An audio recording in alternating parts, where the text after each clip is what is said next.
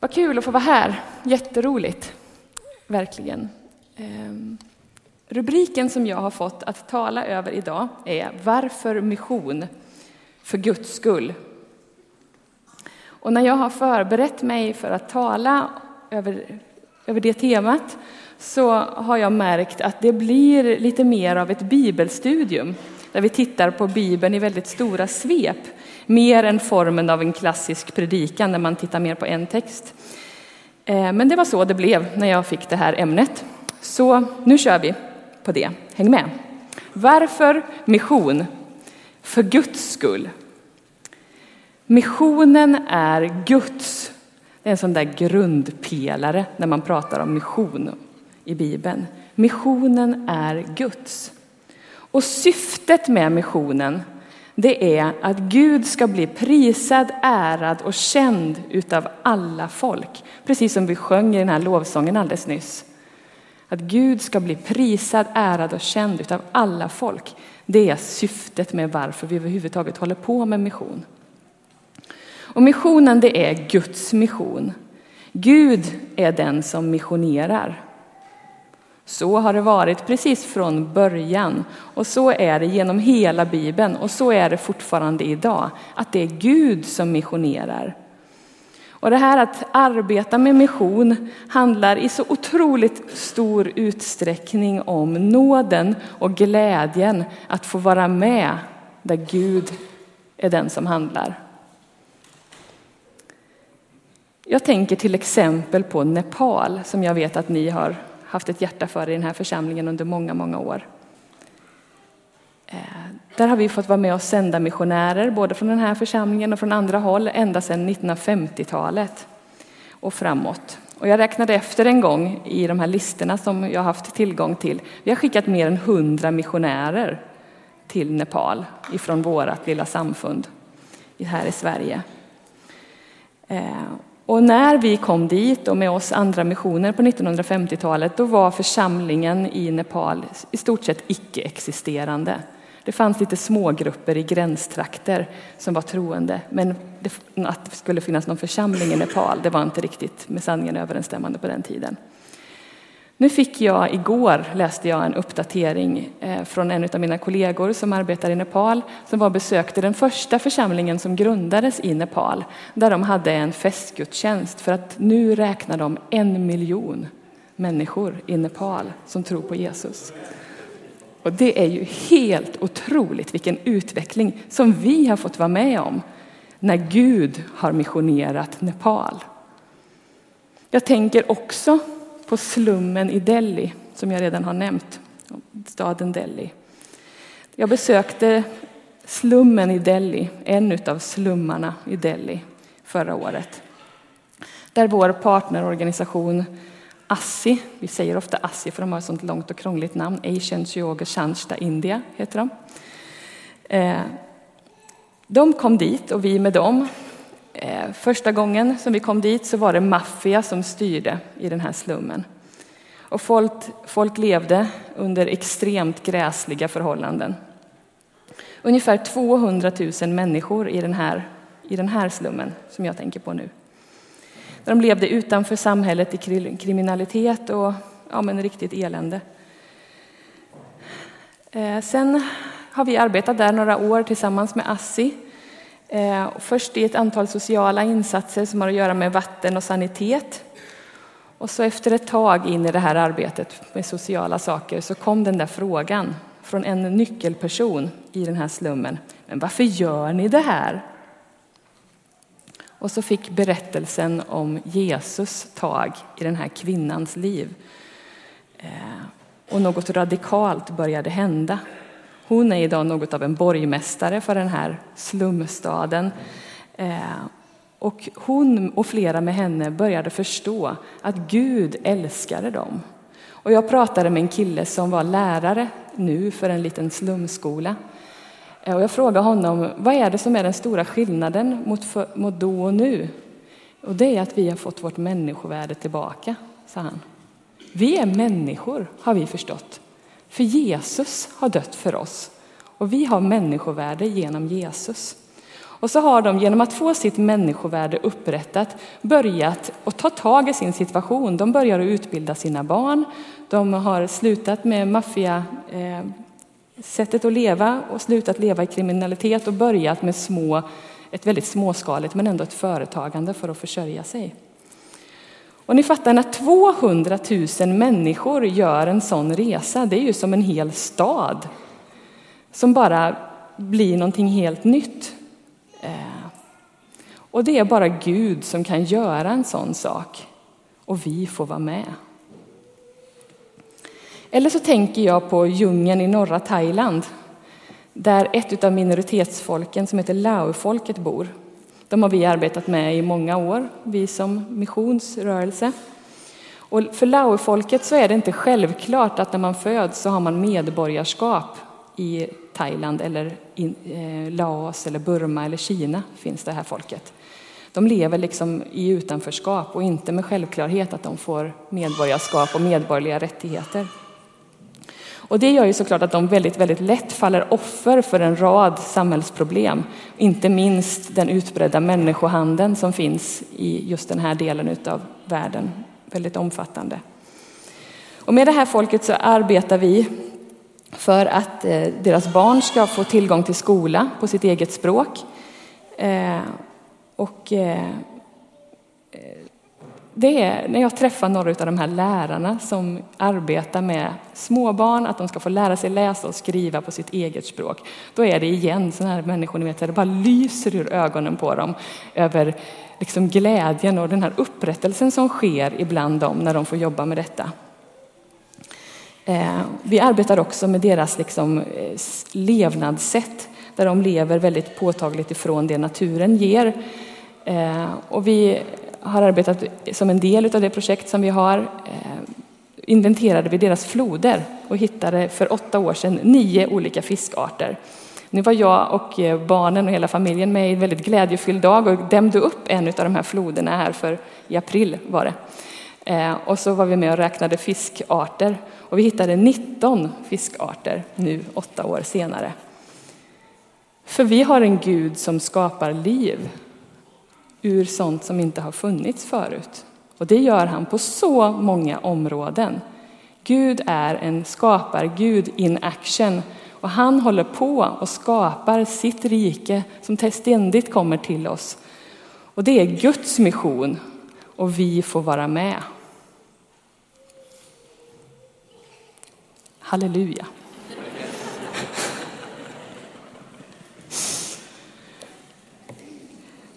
Vi människor, och kanske lite särskilt vi västerländska människor, vill väldigt gärna dela in saker och ting i kategorier.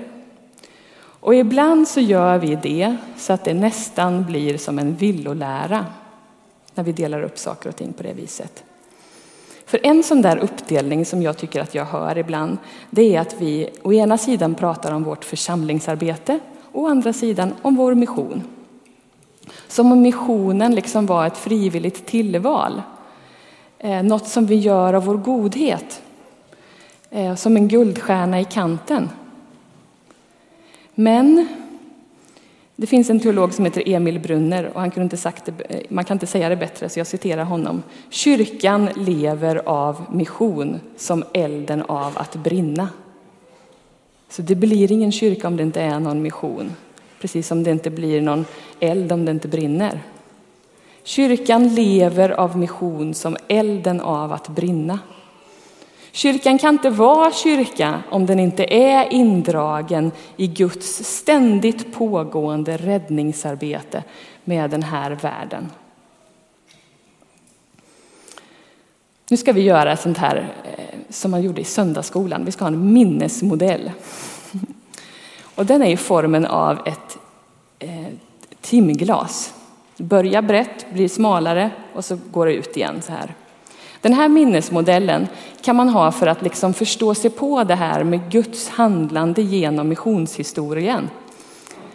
Eh, ibland så frestas man ju att tänka att det här med mission, det är väl något som det står om i Matteus 28 när Jesus gav missionsbefallningen. Liksom. Men det är väl typ det som står i Bibeln, eller? Om mission. Och nu vill jag ge den här minnesmodellen och ni kanske har hört den förut men då är repetition all kunskapsmoder. Eh, man kan se Guds mission som en röd tråd igenom precis hela Bibeln. Och man kan använda den här timglasmodellen Eh, så blir det en minnesbild över detta. För överst i timglaset och i början på Bibeln så skapade Gud hela världen och alla folk. Och han ville leva i harmoni och gemenskap med alla människor och hela skapelsen. Sen sker syndafallshändelserna, om det nu var att de åt frukt eller vad det handlade om, men syndafallet inträdde och eh, en, ett brott sker. Sen kommer berättelsen om Babels torn och avfallet och splittringen ökar och det blir liksom en avsmalnande effekt i den här timglasmodellen. Sen får vi veta att Gud utväljer ett folk utav alla folk, Israels folk, som ska vara det folket som eh, Gud visar sig stor igenom och som ska vara ett vittne för alla andra folk om vem Gud är. Ett folk, det blir liksom ännu smalare i vår timglasmodell i det här med att Gud vill visa sig för världen. Sen läser vi längre fram i Gamla testamentet eh, om hur inte ens Israels folk håller sig till Gud Eh, hur de faller av och, och, inte håller sig till Gud. Och det står om någonting som kallas för resten eller kvarlevan ibland Israels folk. En rest, en kvarleva av de som höll sig till Gud och som var vittnen för vem Gud är och, och vad det handlar om att leva tillsammans med honom. Alltså blir det här timglaset ännu smalare. Och I slutet av Gamla testamentet så talar man inte talar inte ens profeterna om någon rest eller kvarleva, utan de talar om en person, en tjänare, Messias, han som ska komma som den som ska liksom få vända frälsningshistorien. Och då, när Jesus kommer, så är vi där precis i timglasets mitt. När en person ska få frälsningshistorien att vända, när hela avfallets tid har nått sin kulmen, då ska Jesus få träda in i historien och få alltihopa att vända. Och han kommer för hela mänskligheten, men han hade kommit om det så bara hade varit en av oss här inne. Så värdefull anser han var och en av oss vara, så att han är beredd att dö för bara en om det hade varit så. Och hur mycket mer då inte för alla miljarder. Och en hel värld.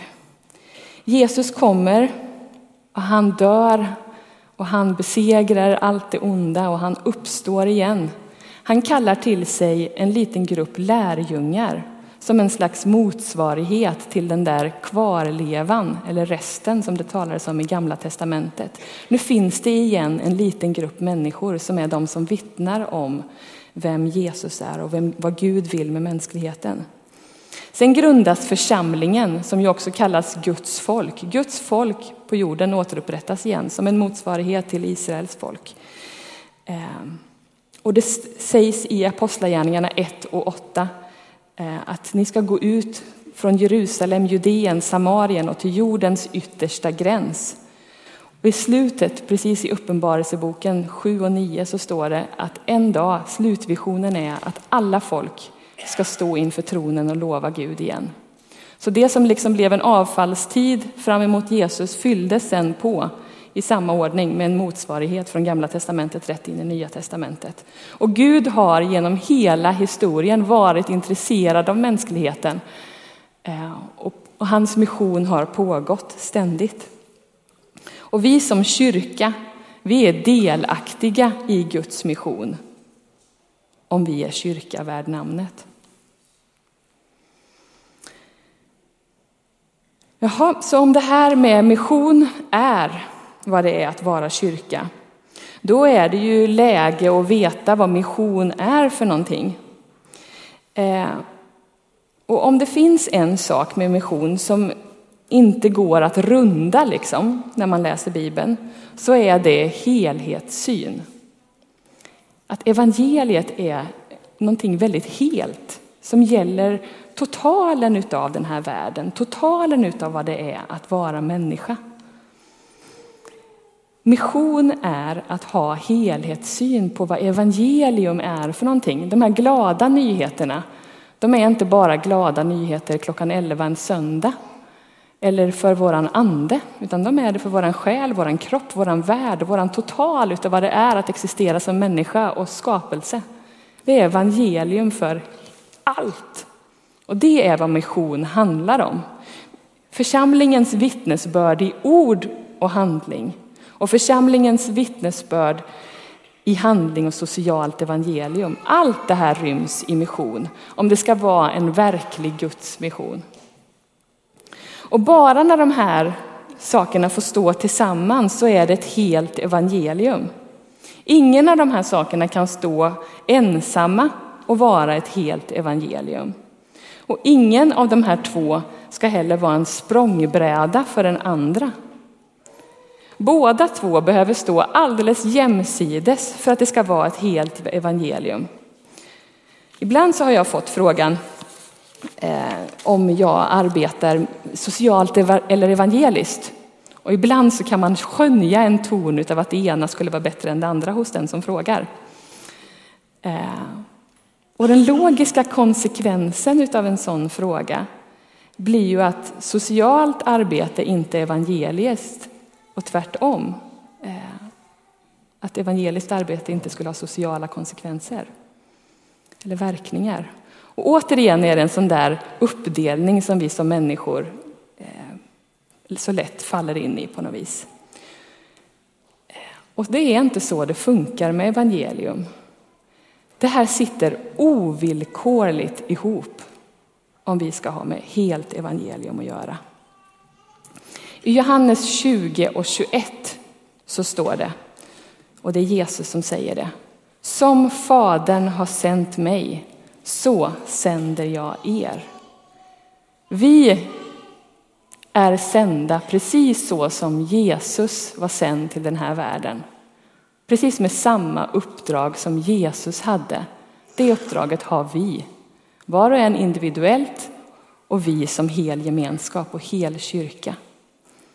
Och hur var Jesu uppdrag då? Det kan man ju fundera på. Jag brukar falla tillbaka på ett bibelord, eh, har gjort under massor av år, där Jesus själv säger vad hans eh, uppdrag på jorden ska handla om. Det är när han precis liksom kommer ut som Messias.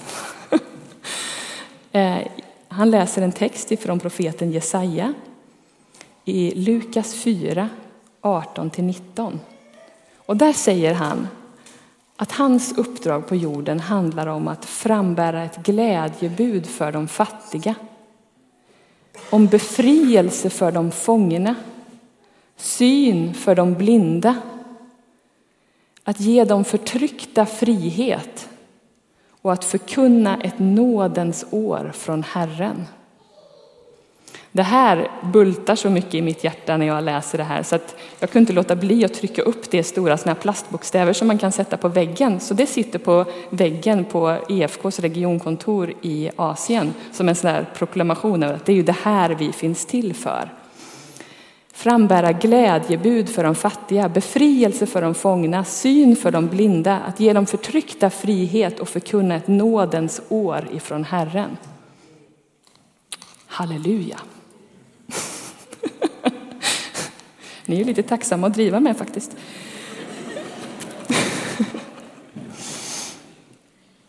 Ibland så har jag hört sägas att Jesus kommer snart tillbaka. Jag vet inte, det här kanske bara var på 80-talet, eller så känner ni igen det, jag vet inte. Men Jesus kommer snart tillbaka, eh, sades det, eller sägs det ibland. Så därför måste vi koncentrera oss på att vinna själar. Eh, vi kan inte hålla på och ödsla vår tid på en massa sälar, hörde jag en gång i tiden.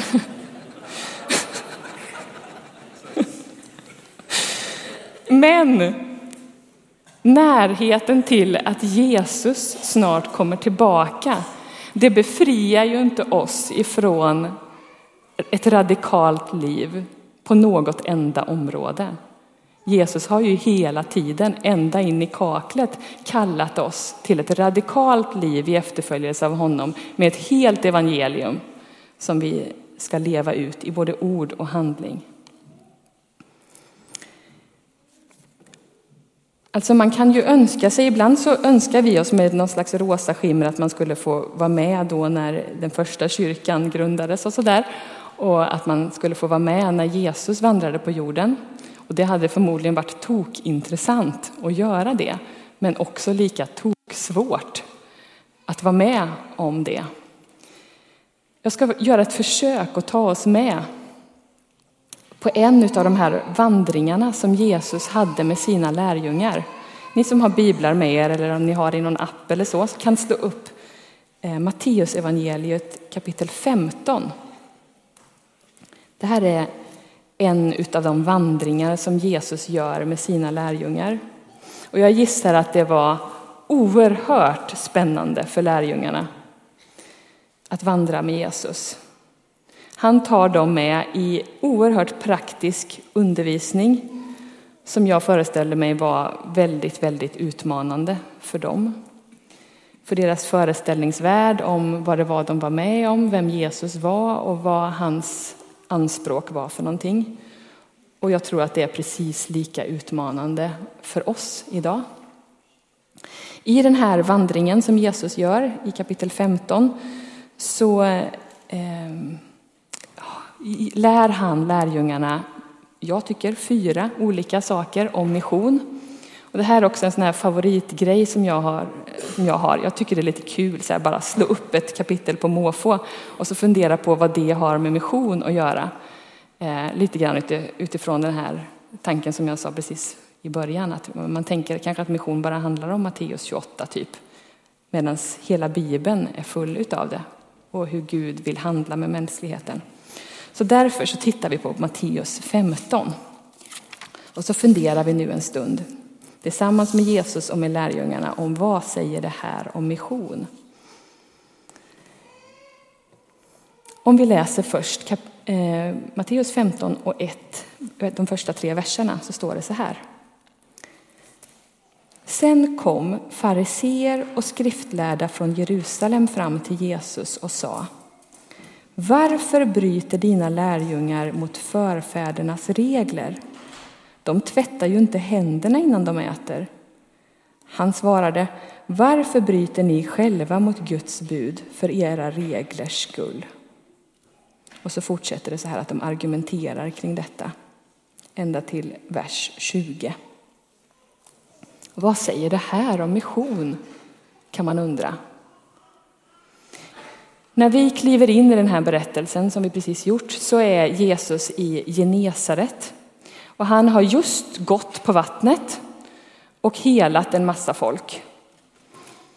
Och han hamnar här i dialog med fariseerna. Eh, som tycker att hans lärjungar, de retar upp sig över att hans lärjungar bryter emot de gamla reglerna. Och i den här lektionen som Jesus ger både fariseerna och lärjungarna så gör han det oerhört tydligt att frälsning, det beror inte på hur bra man är på att följa några regler. Utan det beror på hjärtats inställning. Och han möter verkligen lärjungarnas frågor inför det här. I vers 12 så frågar lärjungarna, de ber om en förklaring. De blir helt brydda liksom över Jesu undervisning av det här. Så de ber om en förklaring, Jesus ger en förklaring. Men redan i vers 15 så är det som att de skickar fram Petrus för att fråga en gång till. De har fortfarande inte fattat. Och Petrus ber igen om en förklaring att, om att frälsning, och det här var, det blåste liksom topplocket på lärjungarna. Frälsning beror inte på att man ska vara bra på att följa ett antal regler. Utan det handlar om hjärtats inställning. Både fariseerna och lärjungarna fick mycket att tänka på. Och Jesus, han får verkligen stå där liksom. Kom igen nu, det är det här mission handlar om. Han tar dem med i sin mission. Lektion nummer två i den här vandringen ser vi i verserna 21 till 28. Här fortsätter Jesus vandra ifrån Galileen och han tar med sig sina lärjungar in i Tyros och Sidon. Det är icke-judiska områden. De gick till hedningarna, vilket i sig var alldeles mindblowing för lärjungarna, att Jesus skulle ha något med hedningarna att göra. Och dessutom så ger sig Jesus in i ett samtal med en kvinna där. Och vad säger Jesus till den här kvinnan, hedninga kvinnan? Han säger så här, din tro har hjälpt dig. Så här kommer liksom steg nummer två i den här undervisningen om missionen och frälsningen. Det beror inte hur bra man är på att följa regler, var lektion nummer ett. Men det beror inte heller på vart man bor eller vilket folk man tillhör. Frälsning, det beror på tro. Och igen så är det liksom som topplocket ryker på lärjungarna, föreställer jag mig i den här berättelsen. Och Jesus får locka dem med ut i sin mission som handlar om alla folk. Eh, och han drar dem med sig in i detta. Det är så tydligt på något vis hur det inte är de som liksom kör missionsgrejen här utan hur Gud drar och lockar och, och, och undervisar och, och förklarar för att de ska få följa med. Lektion nummer tre. Det är, läser vi tillsammans, vers 29 till 31. Jesus han har inte gett upp än utan de vandrar vidare. De gick därifrån ut med Galileiska sjön och sen upp på berget. Där satte han sig ner. Mycket folk kom till honom och de hade med sig lama, blinda, lytta, stumma och många andra och la ner dem framför honom. Han botade dem och folket häpnade. Stumma talade, lytta blev friska, lama gick och blinda såg och de prisade Israels Gud. Jesus tar igen i det här lilla bibelavsnittet med sig lärjungarna utanför judiskt område. Och där botar han hedningar och blandfolk.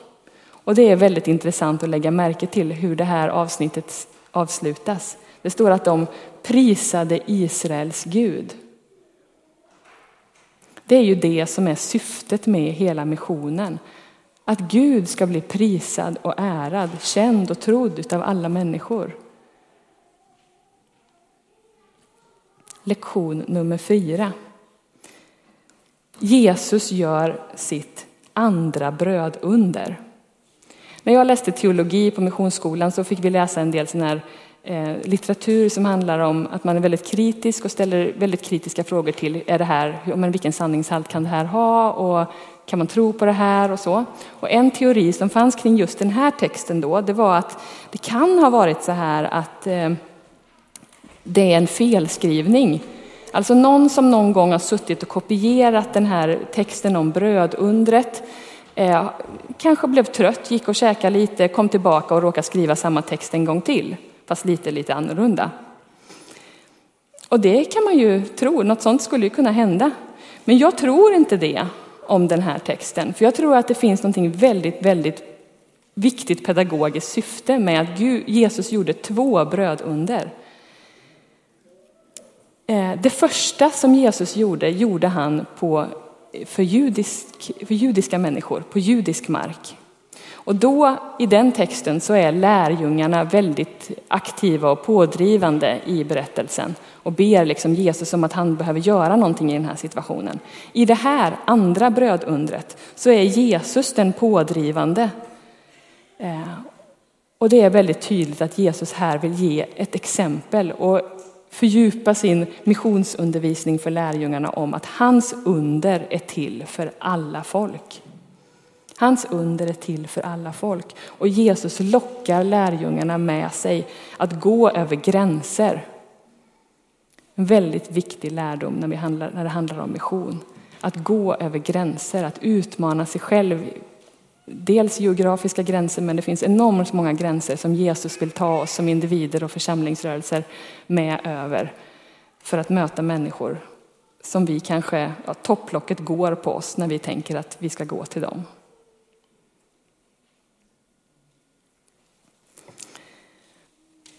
Ganska ofta, det här är avslutningen nu utav predikan, så är det här när man eh, ska liksom gå in i, i avslutningen av en missionspredikan något som görs rätt så känslomässigt.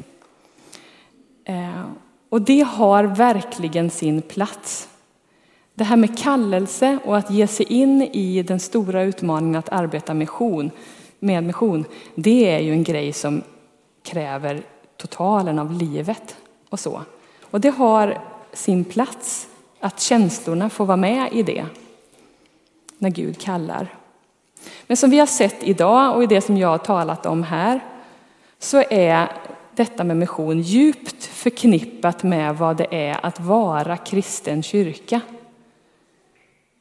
Eh, och vara en kristen. Det är Guds mission och Gud vill ta oss med. Och det är i väldigt stor utsträckning också en fråga om att bara ta det som en sanning i sitt liv och i vår gemenskap. Och det blir en slags fråga om lydnad. Om du på ett särskilt sätt vill markera din överlåtelse till vad det är att vara kyrka och vad det är att vara en som följer Jesus, vad det är att vara en Jesu lärjunge, så kan du markera din lydnad till Jesus och det här uppdraget på några olika sätt som Ester snart ska presentera för oss efter att vi har sjungit en lovsång tillsammans.